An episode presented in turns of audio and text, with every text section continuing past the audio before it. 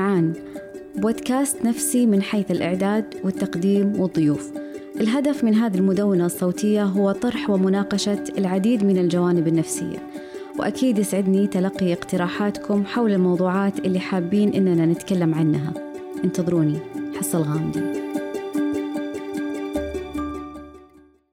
ضيف حلقتنا اليوم الدكتور محمد بن عبد العزيز اليوسف استشاري الطب النفسي متخصص في اضطرابات المزاج مثل الاكتئاب وثنائي القطب وعلاج القلق والضغوط. تخرج من كلية الطب بجامعة الملك سعود وأكمل دراساته العليا في جامعة تورنتو بكندا حيث حصل على الزمالة هناك. مهتم بنشر الوعي النفسي وكان يكتب زاوية أسبوعية في جريدة الجزيرة السعودية بعنوان إضاءات نفسية وله مدونة إلكترونية تحمل نفس العنوان. مهتم بالتنمية البشرية والعلوم الإنسانية حيث صدر له كتاب بعنوان فنون إدارة الحياة الناجحة في مكتبة جرير وعدة مكتبات أخرى. يعمل حاليا استشاري للطب النفسي في مستشفى الملك خالد الجامعي بالرياض ومحاضر في مادة الطب النفسي للطلاب في كلية الطب البشري بجامعة الملك سعود. بنتكلم اليوم عن التنمر حنتعرف على إيش هو التنمر وأنواعه وتأثيراته وطرق الوقاية منه والعلاقة بينه وبين بعض الاضطرابات النفسية وموضوعات أخرى. أتمنى تكون هذه الحلقة عند حسن ظنكم. تسرنا متابعتكم من خلال حسابات بودكاست إمعان في مواقع التواصل الاجتماعي والمهتمين أيضا لدينا نشرة بريدية دورية في مواضيع الصحة النفسية بإمكانكم التسجيل فيها. حصة الغامدي أخصائي أول علم نفس سريري. أهلا وسهلا دكتور محمد. يا مرحبا مساكم الله بالخير. يا أهلا وسهلا. دكتور محمد خلينا نتعرف بداية على إيش هو التنمر؟ آه بالنسبة لتعريف التنمر آه طبعا فيه آه عدة تعريفات. بعضها ما يعطي الصراحة المفهوم حقه من التوضيح بينما يمكن أدق وأوضح التعريفات العلمية للتنمر هي أن شخص يتعرض لإيذاء آه، عادة آه، معنوي أو نفسي وإيذاء لفظي إما من شخص واحد أو من عدة آه، أشخاص. ويمكن العوامل الحاسمة نفسيا في هذا الأمر هو شعور الشخص أنه رقم واحد مستهدف يشعر أنه مستهدف مثلا من مجموعة من الأشخاص بحيث دائما يحطونه مثل ما نقول في الزاوية أو في الركن. آه ورقم اثنين أنه يشعر أنه عاجز عاجز عن الدفاع عن نفسه عاجز عن رد الإساءة. حتى لو كان الواقع غير كذا يعني حتى لو كان مثلا في حال أنه تقدم بشكوى ممكن هذا يعني ياخذ بحقه لكن هو في آه، لحظات التعرض للإيذاء المتكرر وهذه واحدة من سمات آه، صفة التنمر أو ضحية التنمر آه، اللي يقعون ضحايا للتنمر. ما هو يعني المسألة ما هي إيذاء لمرة واحدة أو حتى مرتين وإنما تكرار من نفس الشخص أو مجموعة أشخاص مثل ما ذكرت. فهو يشعر بالعجز عن المواجهة العجز عن الدفاع عن نفسه وبالتالي يدخل في الآثار النفسية المترتبة على موضوع التنمر. عادة المتنمر أو مجموعة المتنمرين يكون في بينهم اتفاق ضمني. آه، ليس شرطا أن يكون معلن.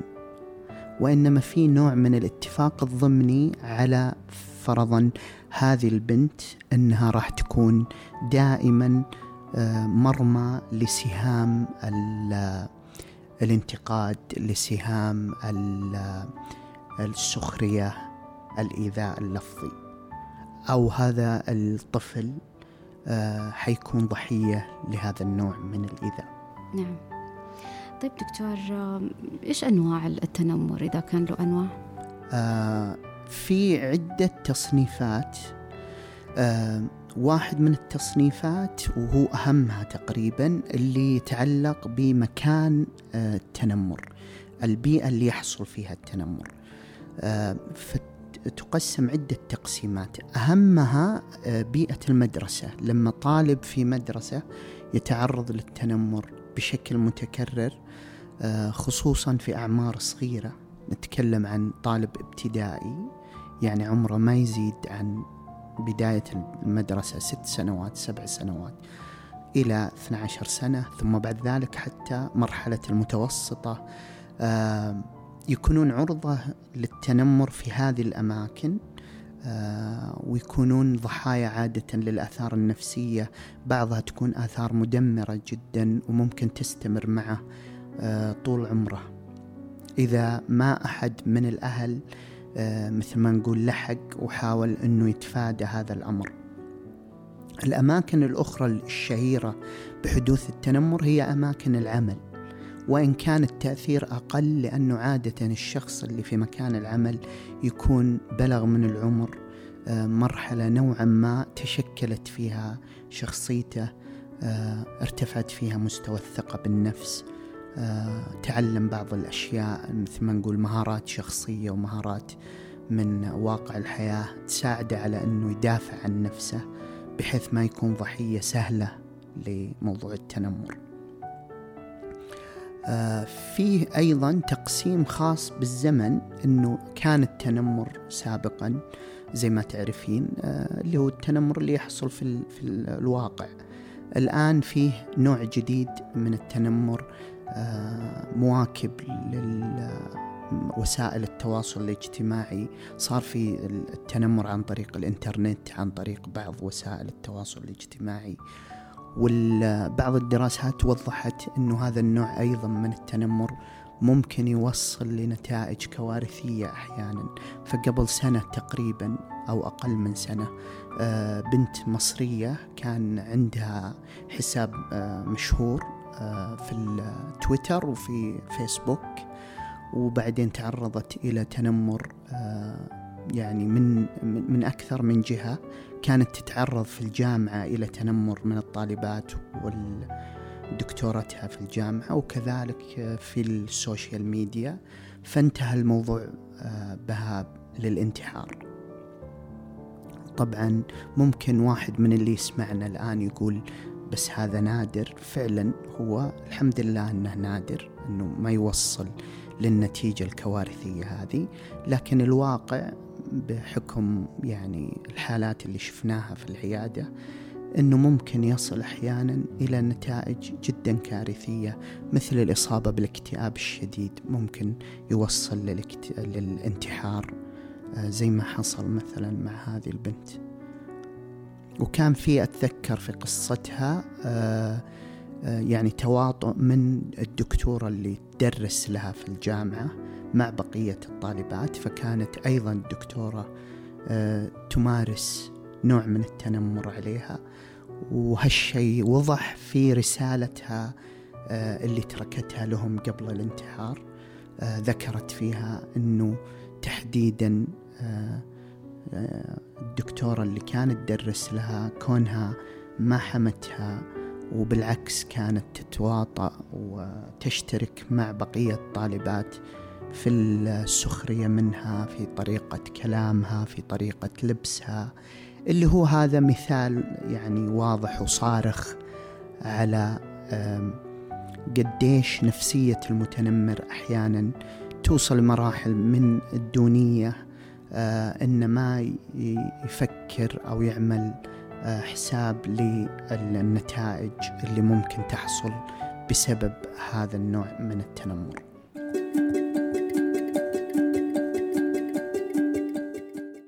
نعم. بنتكلم دكتور عن الآثار النفسية فيما يخص التنمر سواء الواقعي أو في العالم الافتراضي. بس قبل ودي آه، إيش إيش إيش الفرق بين التنمر فيما يخص الواقع والعالم الافتراضي؟ إيش الفرق بينهم؟ طيب هذا سؤال جميل ومهم.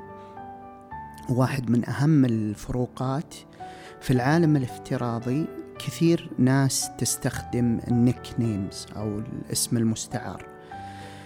إحنا آه، في علم النفس وفي الطب النفسي نعتبر هذا social mask اللي هو قناع اجتماعي آه وأنا حاب صراحة أذكر أحيانا بعض المصطلحات بال English للناس اللي آه يحبون يبحثون في الموضوع أكثر فيكون عندهم مجال إنه آه يعني يقرون أكثر عن بعض هذه المفاهيم اللي جدا مهمة في الصحة النفسية.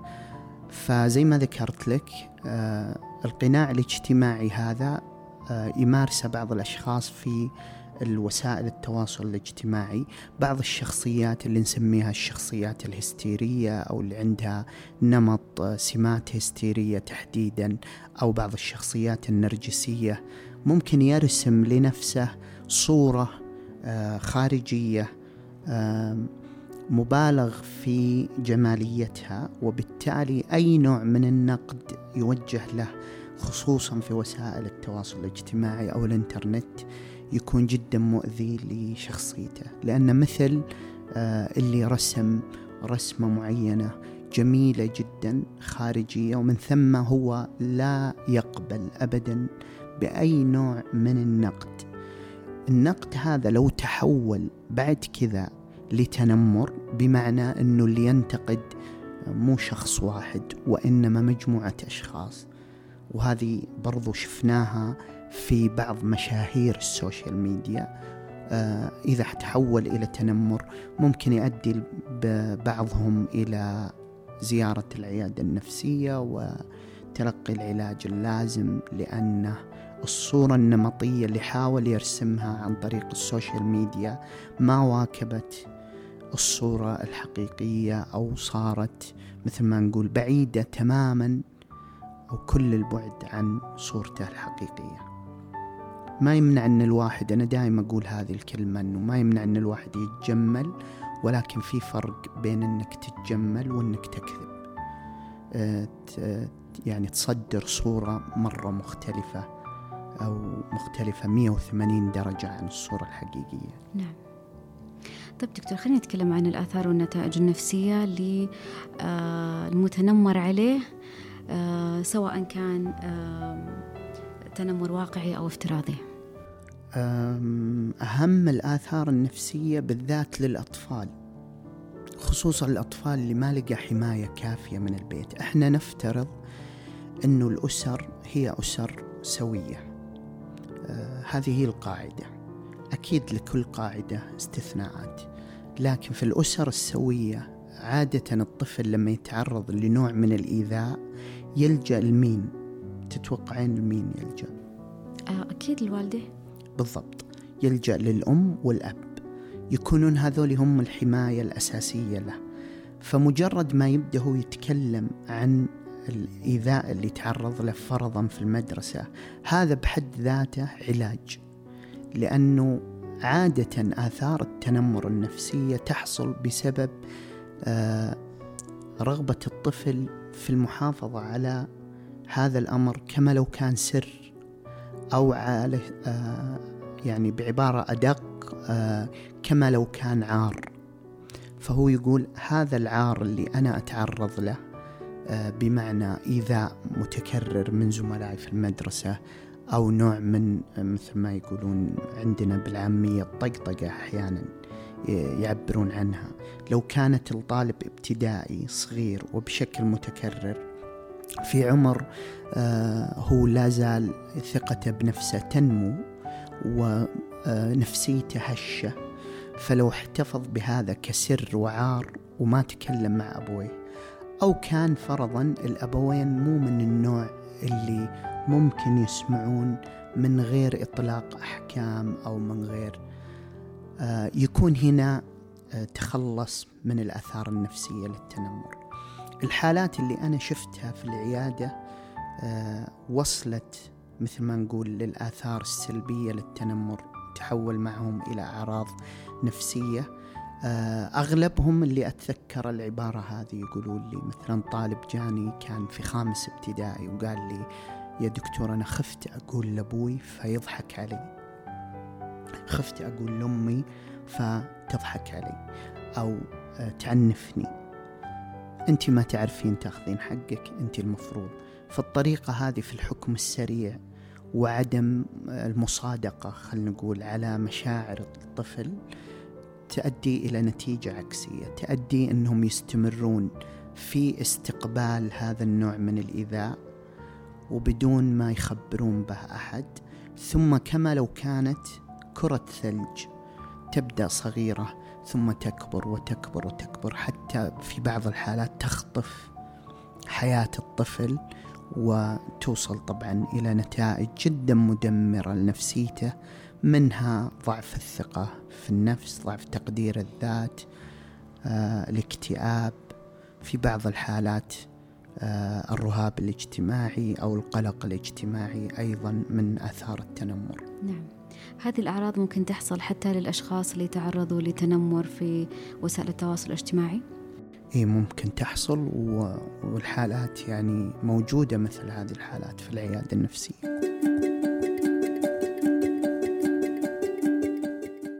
نعم.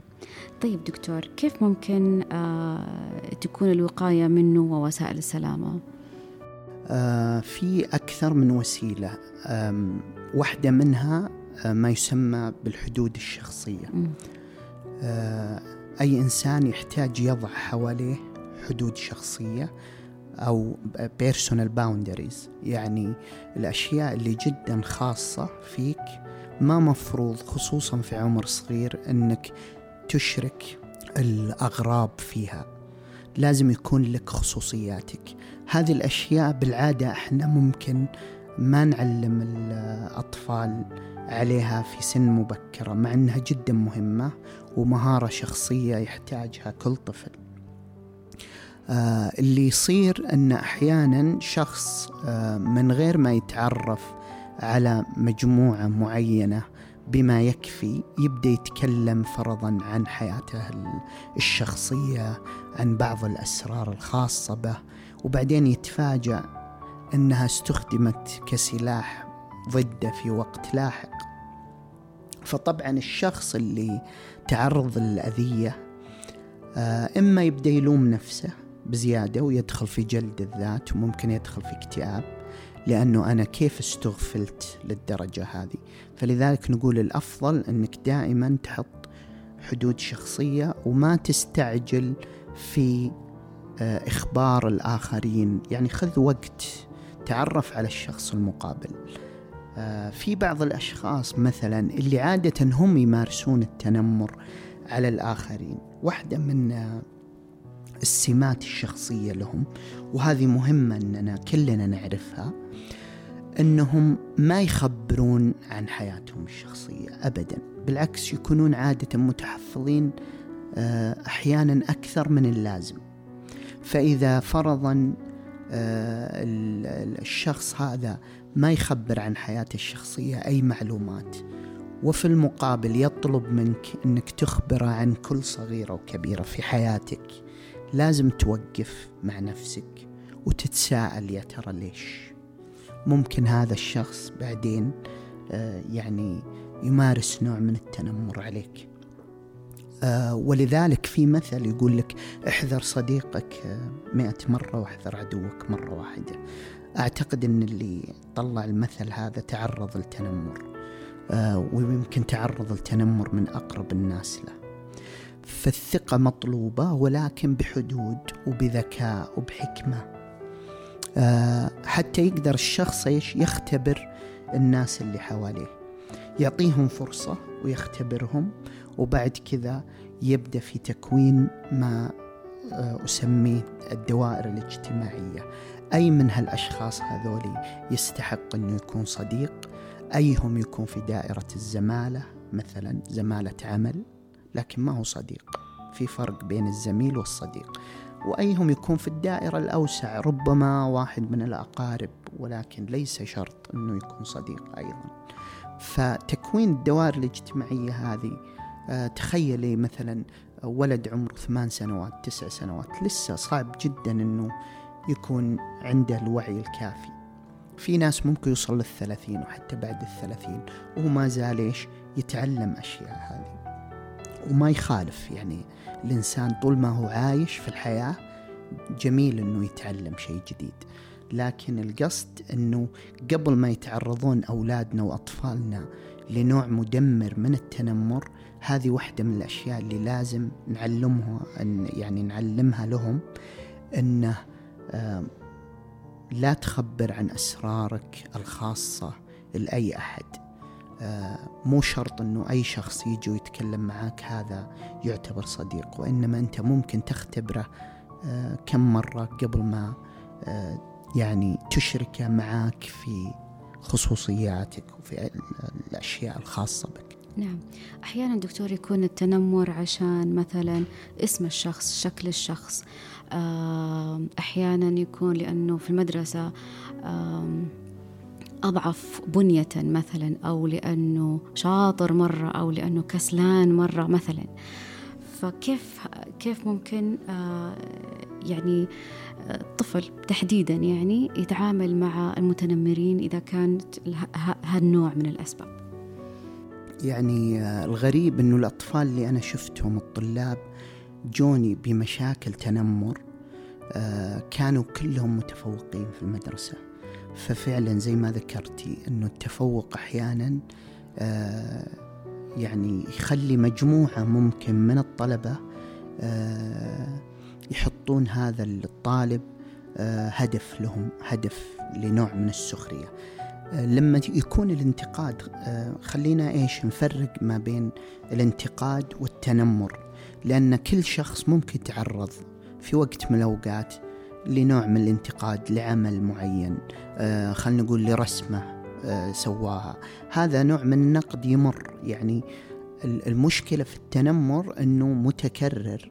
فبعد فترة الطالب أو الشخص ضحية التنمر يبدأ يشعر أن عنده عيب خلقي أو عيب معين في نفسيته أو نقص.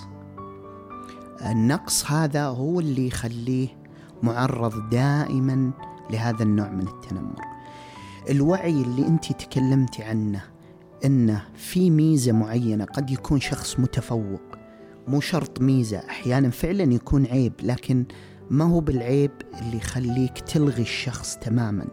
بمعنى ممكن هو مجموعة من الطلاب يعرفون فرضا يلعبون كرة قدم بشكل فيه مهارة.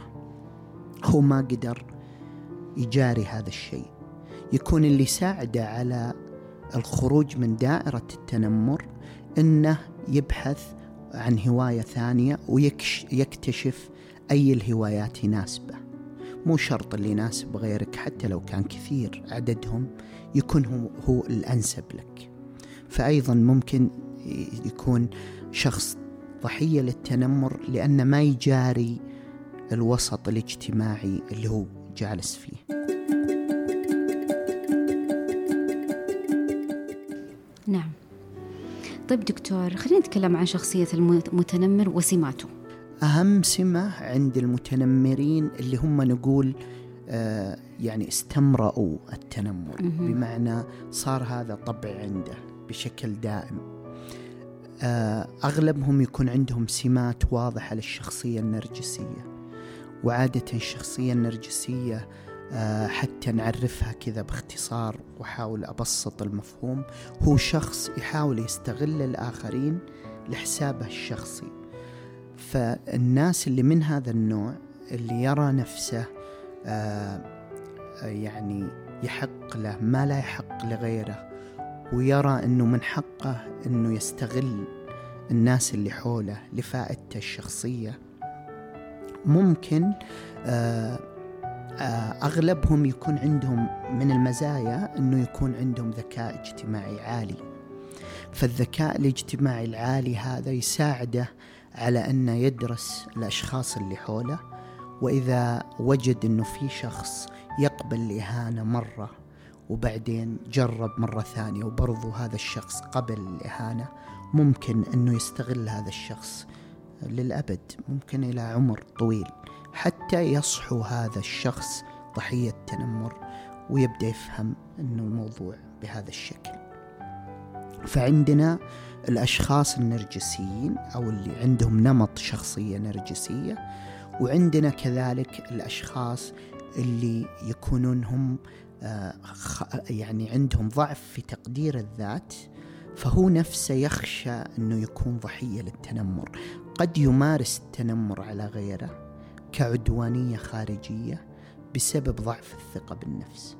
فيقول لك يعني بدل ما أكون أنا الضحية ليش ما يكون شخص آخر طيب دكتور إيش العلاقة اللي ممكن تكون بين التنمر وبعض الاضطرابات النفسية؟ طبعا الأبحاث في هالمجال كثيرة لكن الدراسات اللي شبه مؤكدة نتائجها هي اللي ربطت ما بين آه، آثار التنمر ورقم واحد الاكتئاب الإصابة بالاكتئاب لاحقا خصوصا الناس اللي ما يكون وجد بيئة منزل صحية من الناحية النفسية. يعني لو شخص تعرض برضو لنوع من التنمر من أقرب الناس له في البيت أو كانت بيئة البيت آه، مو بيئة آه، آمنة وتوفر الحماية النفسية الكافية هذول عادة يكبر ويكبر معهم الألم النفسي إلى أن يتحول هذا الألم النفسي إلى ما يسمى في الاضطرابات النفسية باضطراب الاكتئاب. ويكون لما نسوي المقاييس لهم آه، يثبت أن عنده جميع أعراض الاكتئاب. هذا أحد الآثار. الثاني اللي هو الرهاب الاجتماعي. الناس اللي تعرضوا بالذات في مرحلة مبكرة من العمر للتنمر آه، قد يصاب لاحقا بالقلق الاجتماعي يصبح مهاراته الاجتماعية ضعيفة آه، وهذول اللي يساعدهم أكثر أننا ننقلهم إلى بيئة آمنة. ولذلك في نوع من العلاج النفسي اللي هو يسمى العلاج الجماعي. يساعدهم لأنهم أولا يعرف أنه مو وحيد في المشكلة هذه. في ناس غيره برضو يعانون من نفس المشكلة. ورقم اثنين انه يعرف إنه البيئة فرضا اللي هو تعرض فيها للتنمر مدرسة معينة. آه هذه البيئة ما هي ما تشكل العالم كله. هي مجرد مصادفة معينة. فأنت ممكن تتعرف على أشخاص جدد أفضل طريقة تعاملهم أحسن تخرج من هذه البيئة التوكسيك اللي هي السامة. من الناحية النفسية وتبحث عن بيئة أكثر أمن. آه، فهذا اللي يوفر العلاج النفسي اللي من هالنوع اللي هو العلاج الجماعي. نعم. شكرا دكتور يعطيك العافية. آه، في حاجة تحب تقولها في الأخير؟ أبد سلامتك وسعيد بالاستضافة والله يعطيكم العافية وربي يوفقكم إن شاء الله. الله يسعدك ويعطيك العافية. شكرا جزيلا لك.